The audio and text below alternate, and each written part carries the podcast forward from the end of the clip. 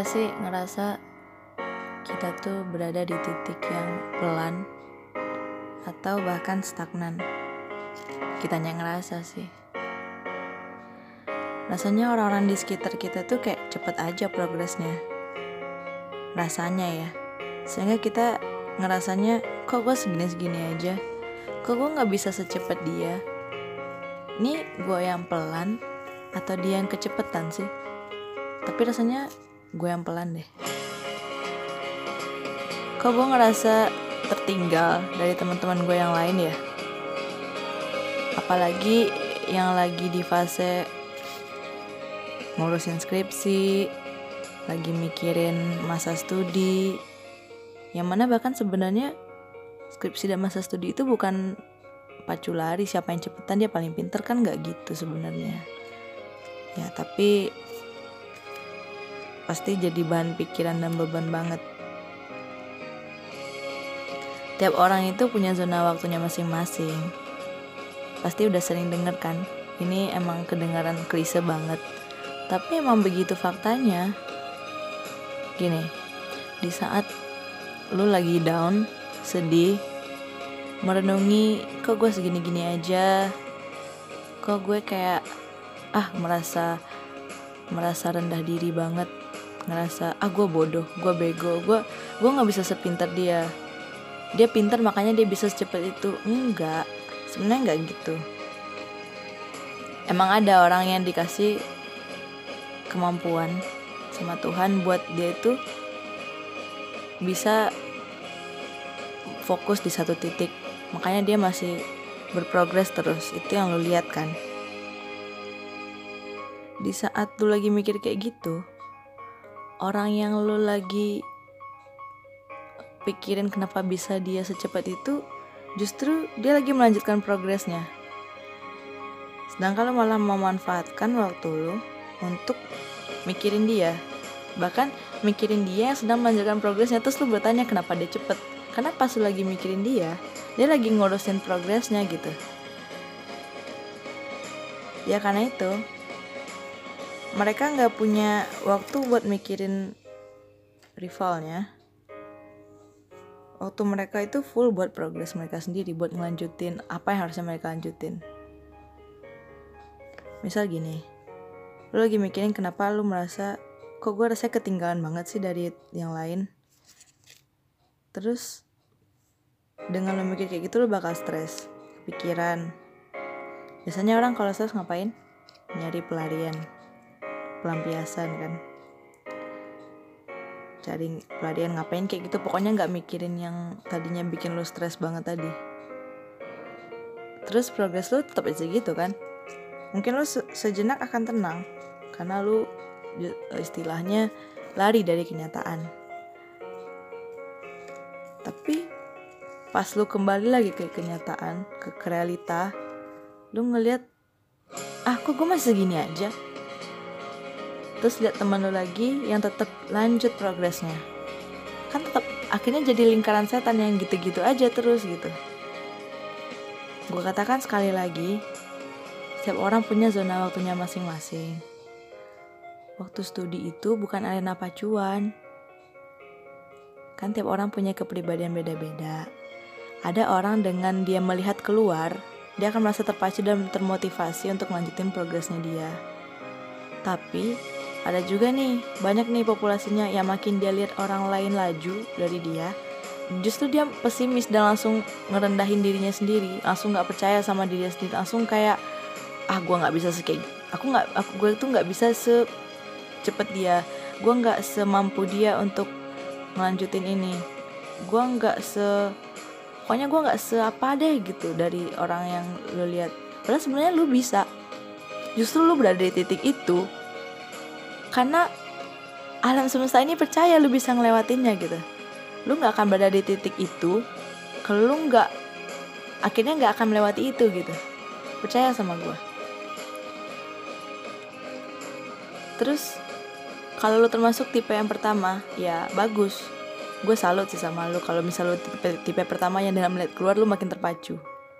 Bahkan lu nggak akan punya waktu untuk merenungi kok gue gini-gini aja gue progres gimana. Justru dengan lu ngeliat wah dia udah nyampe sana gue harus cepet. Itu akan bantu lo tapi yang jadi bahasan sekarang adalah tipe kedua. Bagi gue yang tipe kedua ini nggak buruk karena nggak ada manusia ini tercipta buruk. Hanya bervariasi bermacam-macam. Karena dengan lu jadi tipe kedua yang lebih mikirin lebih sering disebut galaunya daunnya lebih sering daripada yang tipe pertama. Tapi lo tetap punya perasaan was-was dan peduli sama diri lo sendiri gitu. Apa yang lu pikirin? Apa yang bikin lu down bikin lu mikir? Bikin lu uh, apa sih tadi? Ngerasa stagnan gitu kan? Yang bikin lu meratapi bukan meratapi ngerenunginnya itu karena lu pengen terbaik buat diri lu sendiri. Gue salut juga sama orang yang masih berpikir apa sih yang terbaik buat gue? gitu. Itu salah satu usaha lo. Ya kan? Ada gue pernah baca kutipan dari novel Critical Eleven. Novelnya Ika Natasa Hal-hal terbaik dalam hidup justru seringnya harus melalui usaha yang lama dan menguji kesabaran dulu. Bahkan gue sendiri pernah ngalamin banget gue bahkan menemukan novel itu ketika gue sedang di titik stresnya banget. Seakan-akan gue dipertemukan dengan buku itu untuk mempertemukan gue dengan kutipan kalimat itu. Apa sih kutipan novelnya itu gitu. Di saat dulu gue stres banget mikirin nasib gue kenapa ya? Tiga tahun di SMA nilai gue tuh bisa dibilang grafiknya stabil. Kan kalau misalnya mau ikut yang SNMPTN kan grafik lo harus stabil harus naik naik naik nilai lo kan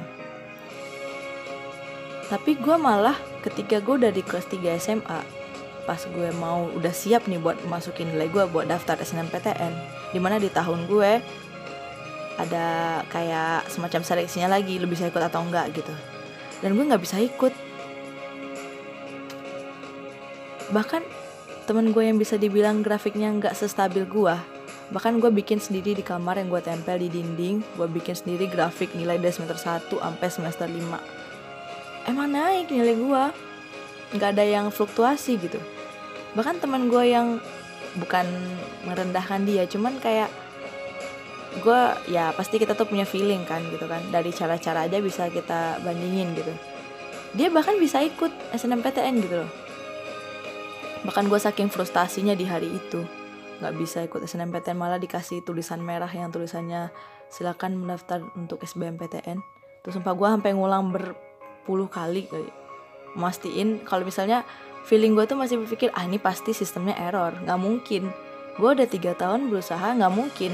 Tiga tahun dari awal niat gue udah bulat banget buat ikut SNMPTN karena gue emang gak mikir ya SNMPTN berat banget sumpah. Karena gue tahu ada orang yang sampai bertahun-tahun nunggu bukan nunggu sih kayak bertahun-tahun dia tuh uh, ngulang gitu buat bisa lulus SBMPTN karena emang nggak gampang gue tahu nggak gampang SBMPTN makanya gue dari awal masuk SMA gue udah mempersiapkan diri gue untuk SNMPTN gitu. Tapi nyatanya apa? Gue tidak diizinkan untuk ikut ikut belum lulus. Untuk masukin nilai gue aja nggak bisa gitu. gue bener-bener nggak bisa bayangin bahwa gue bakalan ngelewatin SBMPTN di dua bulan sebelum eksekusi Dua bulan, sumpah dua bulan. Bayangin persiapan SBM macam apa yang cuma dua bulan. Padahal dari awal masuk SMA gue bener-bener kayak nggak bakal gue ikut SBMPTN gitu. Mungkin karena sombong gue juga ya. Terus dikasih beneran sama Tuhan buat ikut SBM. Sumpah itu gue bener-bener sulit banget untuk menstabilkan nilai gue Biar tetap grafiknya naik, biar nggak turun sama sekali Di hari itu pas gue tahu nggak bisa ikut gue berasa tiga tahun gue sia-sia. Ngerasa gak guna gitu aja tiga tahun gue pulang pergi les sana sini mempertahankan grafik gue grafik nilai. Ternyata sia-sia nggak ada gunanya.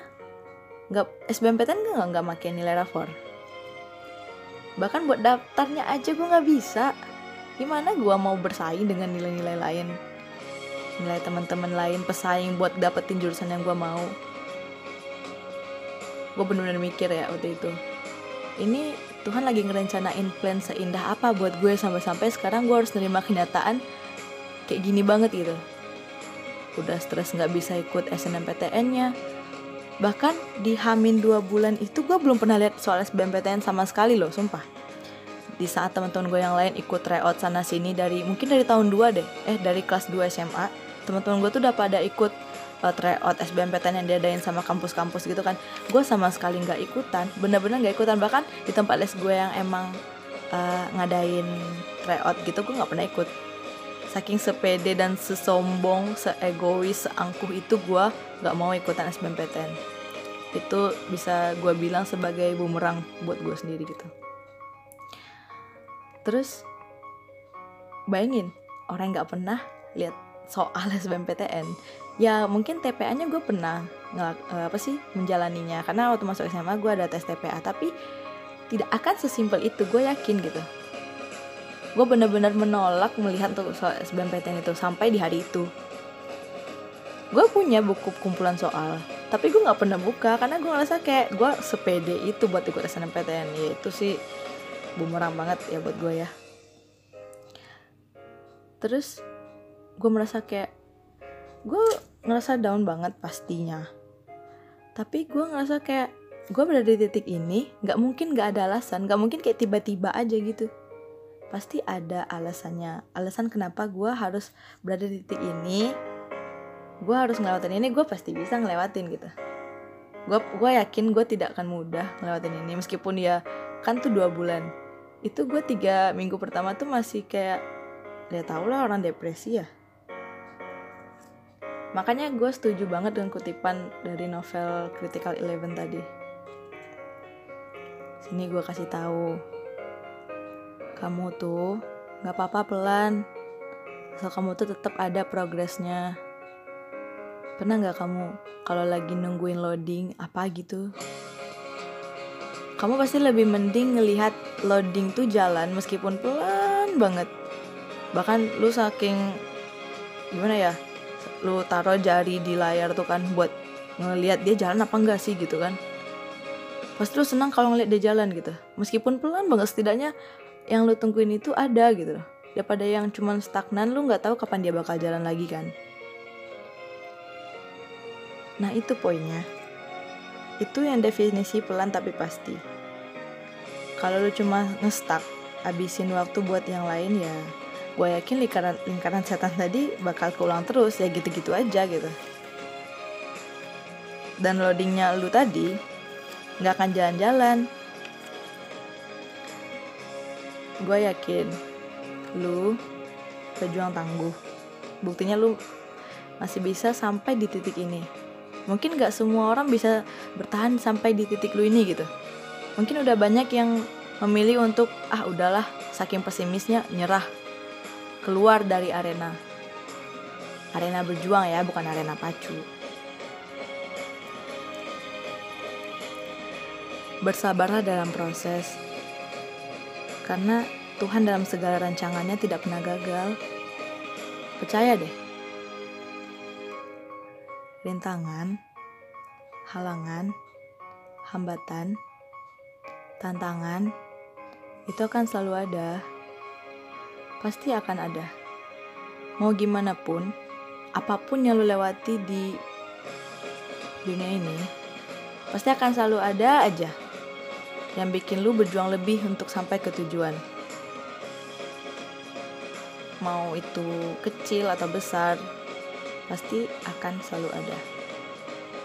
Nah, sekarang kalau lu tetap stagnan, rintangan, halangan, hambatan, tantangan tadi itu nggak akan lu bisa kalahin. Sekarang tinggal lu mau menghadapinya atau game over di sana.